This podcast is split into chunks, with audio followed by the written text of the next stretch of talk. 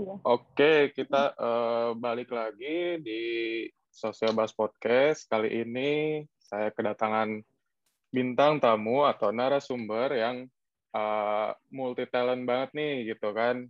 Jadi uh, kalau kita ngomongin seputar dunia permodelan, influencer yang di, yang ada di Indonesia, uh, saya nemuin satu uh, influencer yang menurut saya unik nih jadi uh, dia itu bisa dibilang model, influencer juga, pebisnis juga. Jadi uh, all in dia tuh. Jadi ngambil semua bagian deh pokoknya. Jadi uh, untuk yang pengen tahu sosoknya tuh uh, kita langsung saja perkenalkan. Ini adalah Mbak Citra. Uh, boleh perkenalkan diri dulu Mbak. Hai semuanya. Perkenalkan nama lengkap aku Citra Dia Karyana. Tapi kalian bisa panggil aku Citra aja. Kalau misalkan dipanggil dia kayak aneh aja nggak sih? Soalnya nggak terbiasa. Jadi panggil aja kalian Citra. Oke, Mbak Citra. Uh, ini uh, yang saya bingung ini saya manggil Mbak Citra Mbak Citra ini tuh sebagai influencer, model atau pebisnis ya? Karena soalnya uh, saya stalking sedikit tentang Mbak Citra, itu Mbak Citra juga punya uh, manajemen sendiri gitu. Ya betul. Jadi gimana ya Pak? Bisa dibilang sih tiga-tiganya karena aku tuh kayak all in one gitu. Tapi kalau model aku udah dari kecil kak dari kelas 1 SD. Soalnya waktu itu aku sempat sekolah modeling di SPH sampai kelas 5 SD. Karena kelas 6-nya kan aku udah mulai fokus tuh untuk masuk SMP. Jadi beda ya sama influencer, bisnis. Kalau model tuh lebih ke mengekspos postur tubuh kita dengan berpose dan bisa juga menampilkan fashion di sana yang kita pakai. Soalnya kak, dulu aku sering ikutan lomba fashion show gitu, kayak catwalk di mall-mall di Bandung. Jadi setiap perlombaan hmm. tuh kayak ada tema dress code-nya tertentu dan alhamdulillah juga aku sering juara satu, dua, tiga, harapan satu, sampai akhirnya aku juga ditawarin ikutan fotogenik di Jogja Sunda, kayak Gria gitu.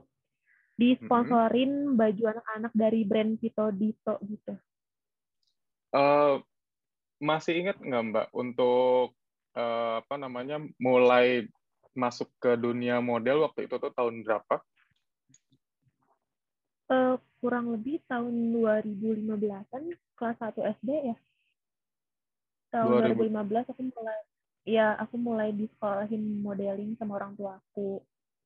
Tapi dulu oh, tuh gitu. aku pengen lanjut apa dance gitu. Cuman mama aku parnoan, takut tulangnya kenapa-kenapa dulu kayak masih lebay gitu loh. Jadi ya udah lanjut aja modeling gitu. Oh gitu. Kan oh beda berarti ya kayak ah. model model tuh beda, influencer beda, bisnis juga beda. Jadi mm -hmm. aku bisa kayak all in one. Kalau model kan yang tadi aku jelasin kayak lebih mengekspos postur tubuh kita dengan berbagai busana rancangan artis terkenal lah. Nah, kalau influencer kan bisa memberikan pengaruh ke masyarakat ya kak. Mm -hmm. Atau followers kita sendiri. Influencer juga banyak kategorinya. Bisa selebgram iya, blogger, public figure, beauty, jadi kayak harus banyak berinteraksi sama followers atau lingkungan kita gitu loh. Oke, kalau dari segi pebisnisnya ini uh, yang ngusulin siapa Mbak awalnya itu? Uh, manajer aku sih Kak. Jadi sekarang nih ngomongin bisnis ya Kak. Aku hmm. uh, lagi merintis nih. Akhir-akhir ini aku lagi merintis bisnis skincare insya Allah bulan depan launching coming soon ya guys soalnya oh, kayak okay. lagi lebih produktif gak cuma jadi influencer aja tapi model iya influencer iya bisnis woman juga iya jadi kayak all in one in Citra Dia gitu. wah iya juga punya hmm. manajemen sendiri namanya apa Citra Dia iya, Creation ya, betul. ya Citra Dia Creation betul oh gitu ini Iya sih diborong ini namanya punya nanti brand skin skincare juga gitu kan jadi iya. nggak yeah. nggak apa namanya nggak bingung nyari talent untuk nge-brandingin si produknya gitu yeah, jadi betul. bisa dengan uh, mbaknya yeah, sendiri bisa bisa nanti kan aku kayak ada apa talent model karena kan aku juga punya usaha sendiri ya yang sudah dia fashion jadi lebih gampang gitu. Oke Oke, oke, oke. Berarti uh, dari tahun 2015 ya awalnya uh, dan sampai ya, sekarang uh, uh, dan Mbak punya semuanya uh, sampai saat ini ya gitu ya. Iya nah, betul Uh, yang ada nggak sih motivasi yang terus Mbak ingat untuk ngejalanin uh, ketiga bidang ini? Kan uh, uh, uh, kan kayak untuk biar nggak ngedown, terus kayak uh, bisa apa namanya kita tuh improve selalu ke depannya gitu. Apa sih motivasinya gitu? ya jadi motivasi terbesar aku tuh pastinya gimana ya aku harus punya maksud dan tujuan tertentu untuk ke depannya karena kalau kita nggak punya tujuan ke depannya kita mau jadi apa sih ke depannya gitu nah ada kita nggak akan sukses tapi kalau misalkan dari awal kita udah ada nih target kita mau ngapain nih di masa depan kita jadi kita tuh makin semangat untuk kerja atau melakukan kegiatan yang ya anggap aja sih kalau aku self reward kak. Jadi lebih ada maksud dan tujuan untuk ke depannya apa gitu. Oke oke oke. Nah uh, jadi itu motivasi yang dipegang oleh Mbak Citra uh, selama menjalani tiga bidang profesi ini ya. Tiga ah. profesi uh. itu ya. Jadi aku punya tujuan ke depannya untuk apa. Jadi biar akunya lebih moodnya good gitu. Hmm. Jadi lebih semangat juga. Oke, oke. Nah, uh, kalau misalkan uh, kita ngomongin yang lebih spesifik nih, sebagai Mbak tuh sebagai freelance uh, influencer, uh, suka dukanya jadi influencer tuh gimana sih? Influencer saat ini ya, sekarang hmm. ya suka duka sih pasti banyak banget ya kak. Sukanya alhamdulillah nih sekarang aku bisa berpenghasilan yang cukup hasil kerja keras aku. Jadi lebih produktif, lebih banyak pengalaman yang seru, dipertemukan orang-orang yang sangat hebat dan kreatif. Itu sukanya. Kalau dukanya Nisa, aku sambil curhat aja nih ya, nggak apa-apa kan? Iya, nggak apa-apa, iya nggak apa-apa. Jadi dukanya tuh uh, aku nggak bisa kayak teman-teman aku sekarang. Misalkan anak-anak jam sekarang tuh kayak masih pesan atau nongkrong, tapi aku mikir aku hal itu nggak masalah buat aku gitu. Mungkin ya maaf ya, aku punya target dan tujuan untuk depannya dan aku nggak banyak bisa bergaul dengan apa pun kehidupan karena aku membatasi mana lingkungan yang baik, mana yang enggak Pokoknya aku juga sekarang-sekarang masih harus belajar untuk lebih baik lagi, memotivasi diri, menggali bakat dan potensi aku, dan dan juga uang waktu aku berbeda dengan remaja saat ini. Aku lebih menghabiskan waktu menggali potensi, tapi aku berpikir ini adalah untuk masa depan aku gitu. Yang mungkin aku harus digali dari sekarang, di mana hasilnya nanti setelah beberapa tahun ke depan yang mendapatkan hasil dari apa yang aku tanam hari ini. Jadi istilahnya apa ya kak? Sama seperti pohon atau padi petani gitu. Mm-hmm. sebuah padi itu nggak langsung, jadi mungkin beberapa bulan akan jadi masa depan dari dini masa muda saat ini. Jadi kebanyakan dukanya sih kak, aku lebih banyak menghabiskan waktu untuk berkarir. Ya pokoknya banyak ya kak prosesnya sampai sekarang ada capeknya karena bangun pagi, pulang tengah malam, tapi aku ngejalaninnya dengan have fun, enjoy, harus semangat, karena itu udah passion aku gitu, udah hobi aku, jadi uh, kayak menjalaninya dengan have fun aja sih, Kak. Gitu. Oke, berarti untuk dukanya itu uh, jadi lebih nggak punya waktu untuk bersosialisasi untuk dengan teman-teman. gitu ya? Iya, betul sekali kak. Jadi kayak ada nih sahabat aku yang main sama aku. Jadi susah banget diajak untuk main atau nongkrong karena kan aku udah punya kesibukan sendiri gitu kan yang lebih penting. Gitu yeah. kak. Sekarang anak-anak sekarang tuh banyak yang kayak masih aku lihat nih kalau misalnya lewat gitu di jalan nggak masih ada yang nongkrong nongkrong. Aku juga masih sih ada waktu nongkrong. Cuman kan di nongkrong itu aku dipakainya untuk kerja gitu. Dan aku selalu bawa laptop ke mana-mana kayak aku nongkrong sambil kerja gitu. Kadang aku juga kalau nongkrong sering kayak sebelahan gitu kan sama anak-anak muda gitu ya kayak ngobrolnya tuh kayak bener-bener gak penting banget kak. Sorry banget nih. Jadi hmm, kayak gimana okay, ya? okay. ya menurut aku ya ngapain sih kalian nongkrong gak jelas gitu? Mending kalian berkarya aja gitu mengekspos diri kalian gitu kak. Oke berarti uh, ini saya salut banget nih dengan uh, Mbak Citra uh, Mbak Citra ini uh, udah punya tujuan yang apa namanya tujuan yang jelas Mbak pengen ke mana dan ya. Mbak juga tahu uh, apa yang harus dikorbanin yaitu uh, soal ya, betul. Uh, kehidupan sosial dengan teman-teman terus kayak uh, bangun pagi pulang tengah malam tapi uh, ya. di situ uh, Mbak tetap uh, dengan tujuan Mbak ini untuk berkarir dan istilahnya uh, pengen punya uh, apa namanya uh, milestone ya, milestone yang ingin iya, dikejar. Iya, iya, iya. Kayak punya tujuannya untuk apa ke depannya. Gitu. Oke. Nah, itu kan uh, tadi kan kita ngomongin suka dukanya influencer di uh, ya. pandangannya Mbak Citra ya. Nah, ya, betul. Uh, gimana sih menurut pandangan Mbak tentang dunia influencer atau kita bisa sebut dunia perinfluenceran itu di Indonesia di tahun 2021 ini. Uh, karena uh, mungkin ada bedanya dari tahun-tahun sebelumnya, mungkin ada tren yang sebelumnya uh, nggak tren tapi sekarang ngetren lagi gitu. Ada nggak sih Mbak? Ya, benar kalau menurut aku sih sekarang banyak influencer yang berpengaruh positif kak jadi saling bantu sesama manusia. Apalagi akhir ini banyak teman-teman kita yang kena musibah kita kayak waktu di NTT itu banjir bandang kan. Mm-hmm. itu influencer kayak introspeksi diri untuk membantu mereka melalui sosial media yang melewati platform-platform dengan berinteraksi dengan followers kayak di instastory atau feed bikin video yuk kita bantu. Jadi kalau menurut aku juga sekarang kayak lebih banyak berbagi berpengaruh positif daripada negatif kak. Oh, oke okay. tapi kan sekarang ngikutin zaman kan. Zaman zaman mm-hmm. sekarang.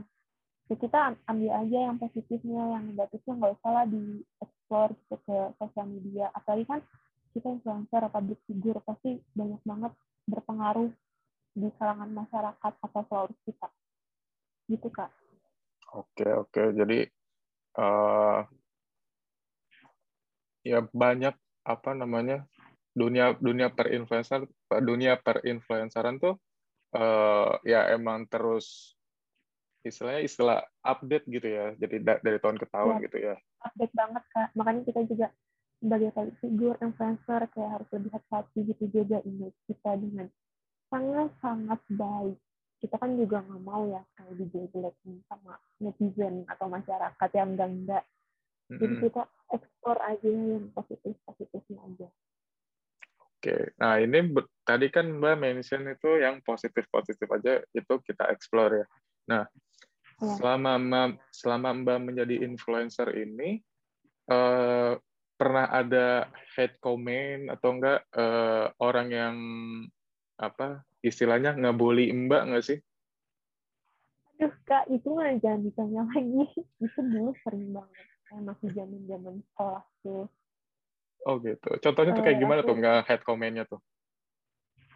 Jadi aku tuh sering banget jadi sering banget merasa merasa down gitu merasa paling bawah karena aku tuh anaknya baperan berperan gitu jadi kalau ada temen atau netizen yang komentar enggak enggak tentang aku kadang aku tuh nggak terima yang mereka mungkin apalagi nggak sesuai realita dan faktanya apa gitu misalkan kayak uh, ngomongin tentang fisik nih ngomong tentang fisik kayak aku dikatain gendut lah jerawatan lah penampilan kayak tante-tante. Di situ kayak aduh aku ngerasa down banget banget banget banget kayak mikir orang-orang kenapa ya bisa ngomong kayak gini. Perasaan kayak aku ya mengeksplor suka aku gitu. Jadi kayak aku di situ kayak curhat gitu kan sama orang tua sama teman-teman aku sama manajer aku jadi mereka kayak saranin ya udah sih kamu ngapain gitu mereka mereka tuh karena nggak bisa kayak kamu.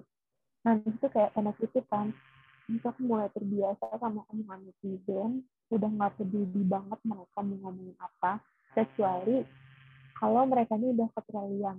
Baru aku up dan aku juga balasnya nggak balas dengan kejahatan juga ya kak. Mungkin kayak kita balas aja dengan karya kita. Yang mungkin dengan karya kita yang legit gitu yang bisa sampai viral mereka juga pasti makin malu atau bahkan bisa iri juga ke kita.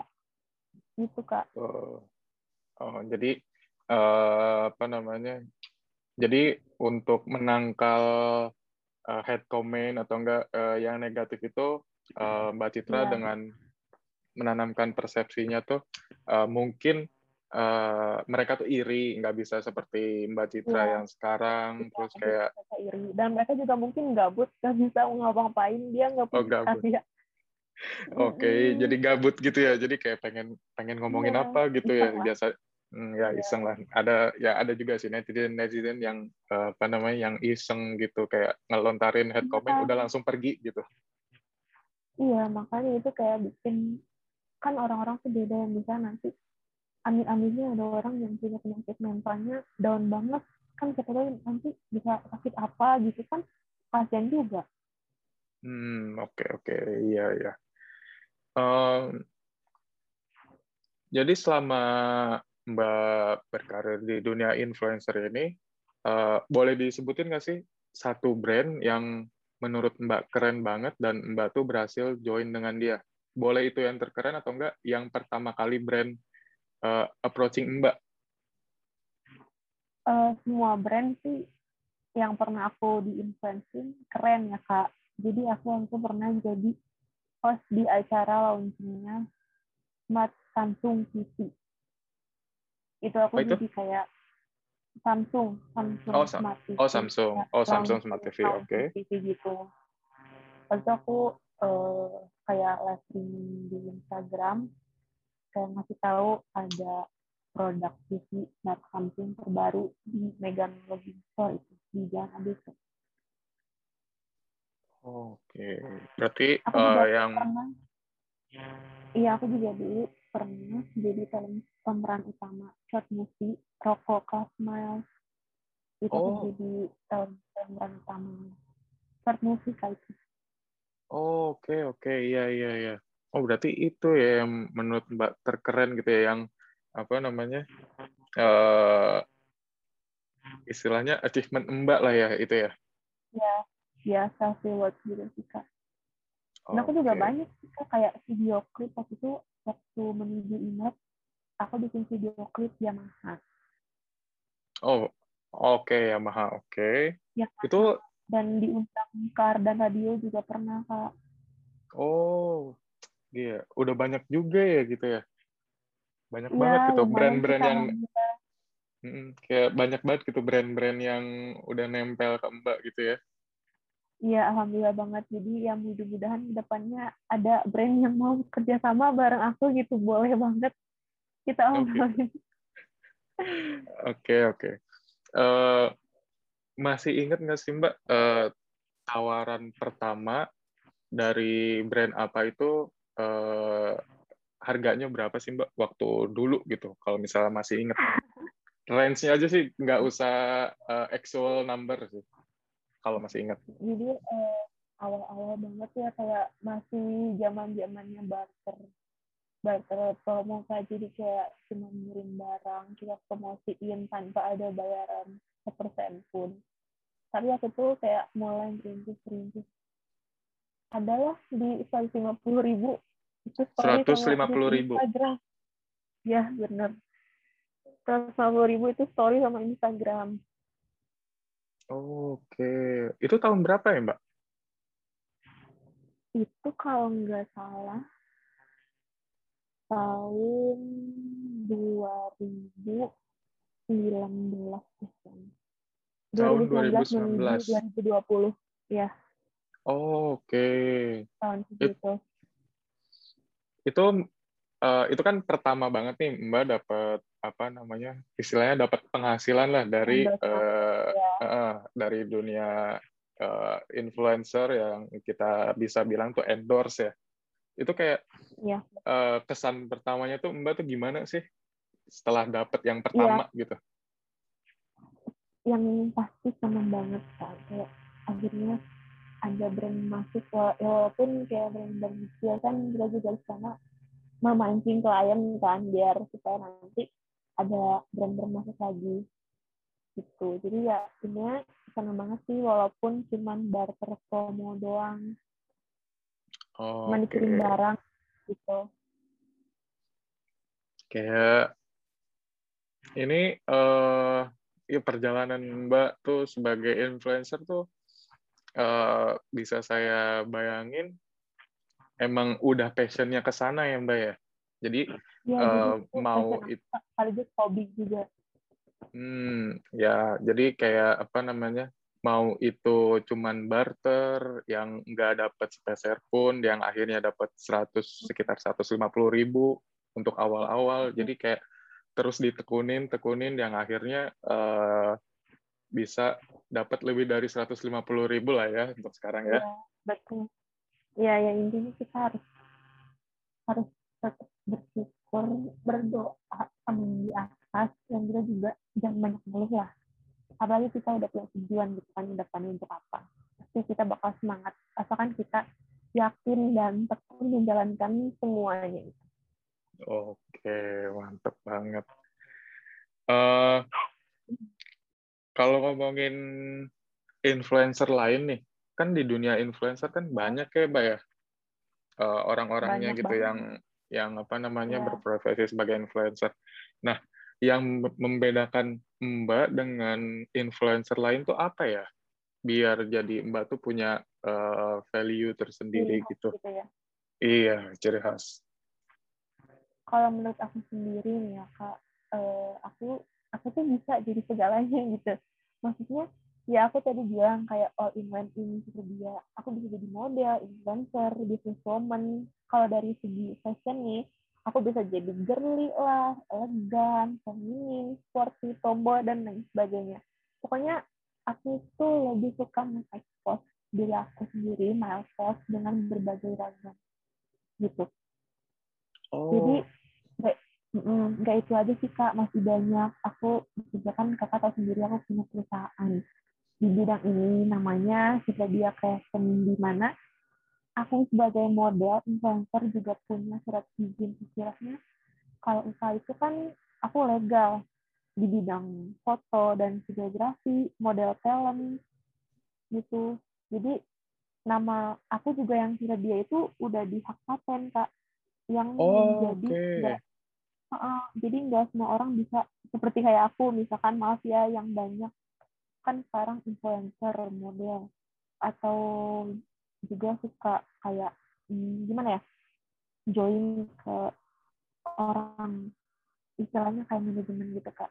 Nah kalau aku nggak karena aku kan udah punya usaha sendiri. Yaitu tadi yang kita dia creation. Jadi aku nggak hmm.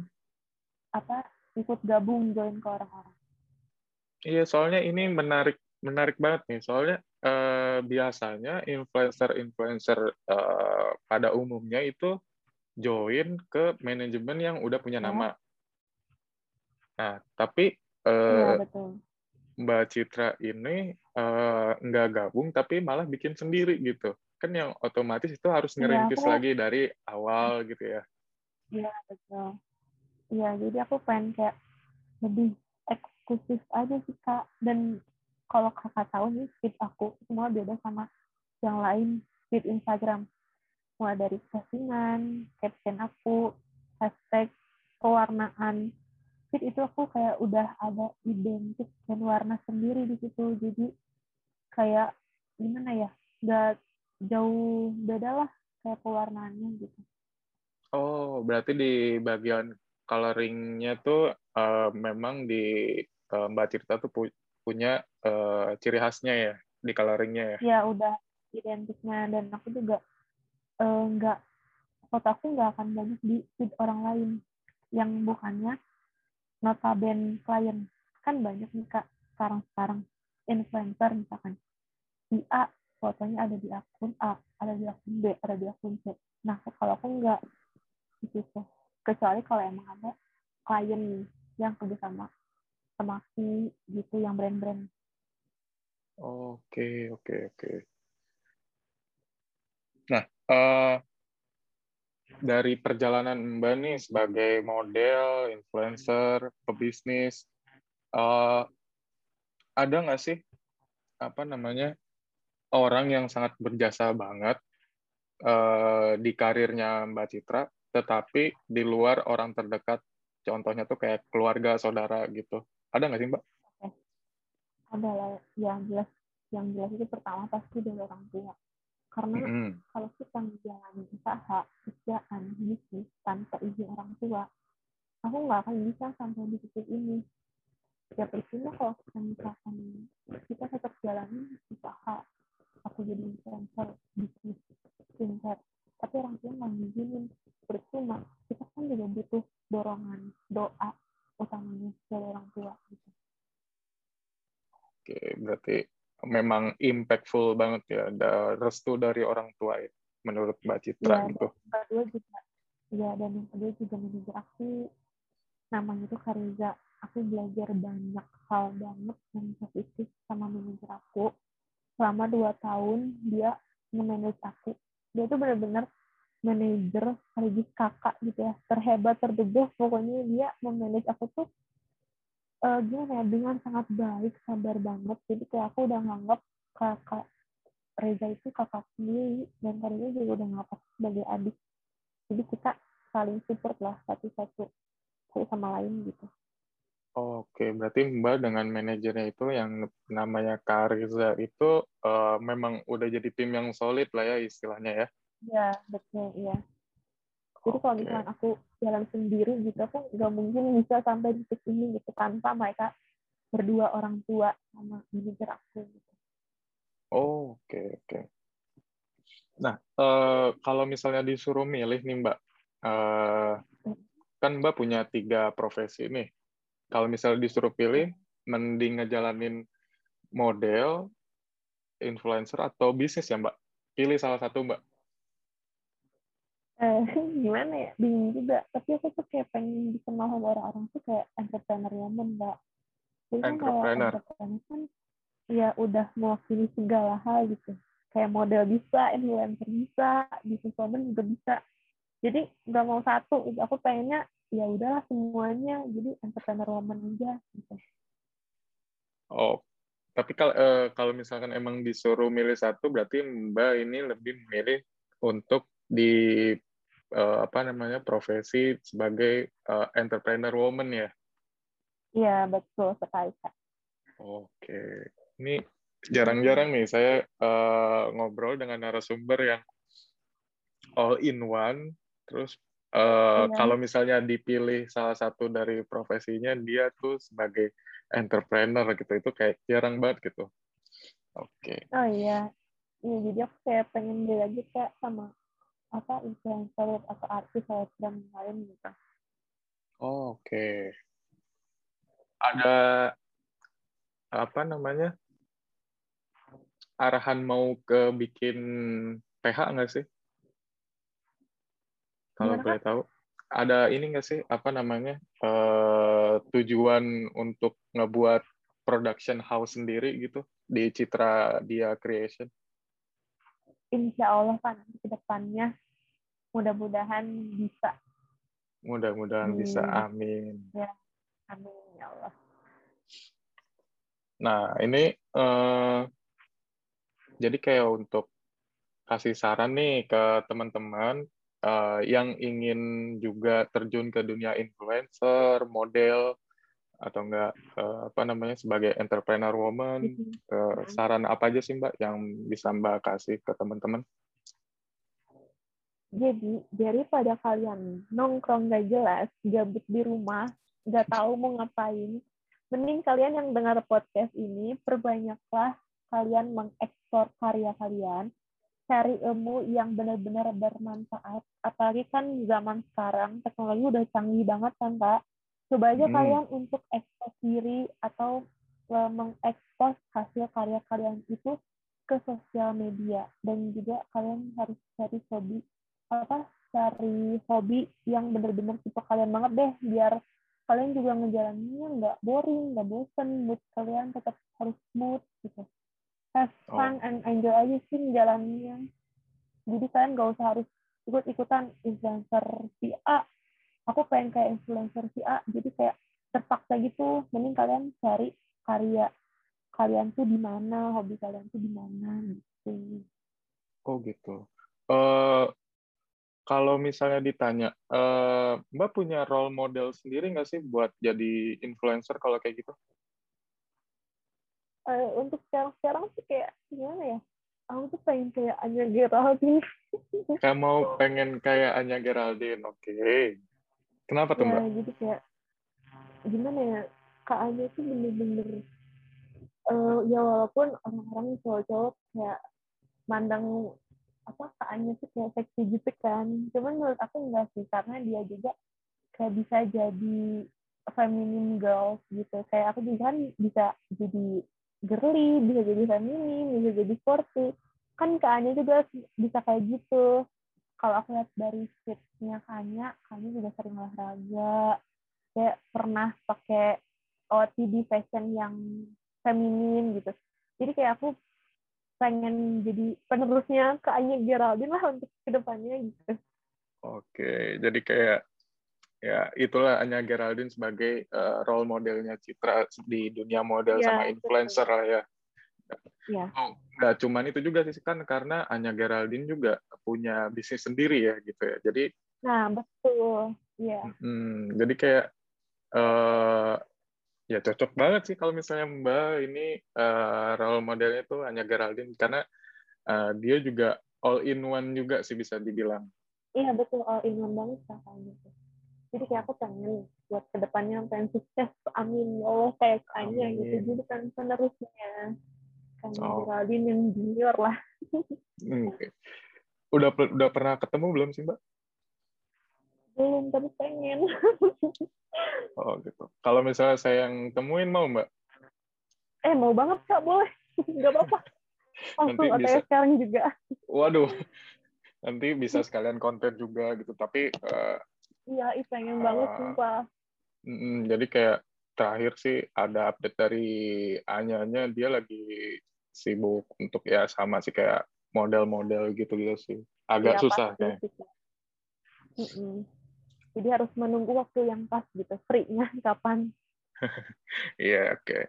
Uh, eh, ini nih pertanyaan terakhir untuk Mbak Citra.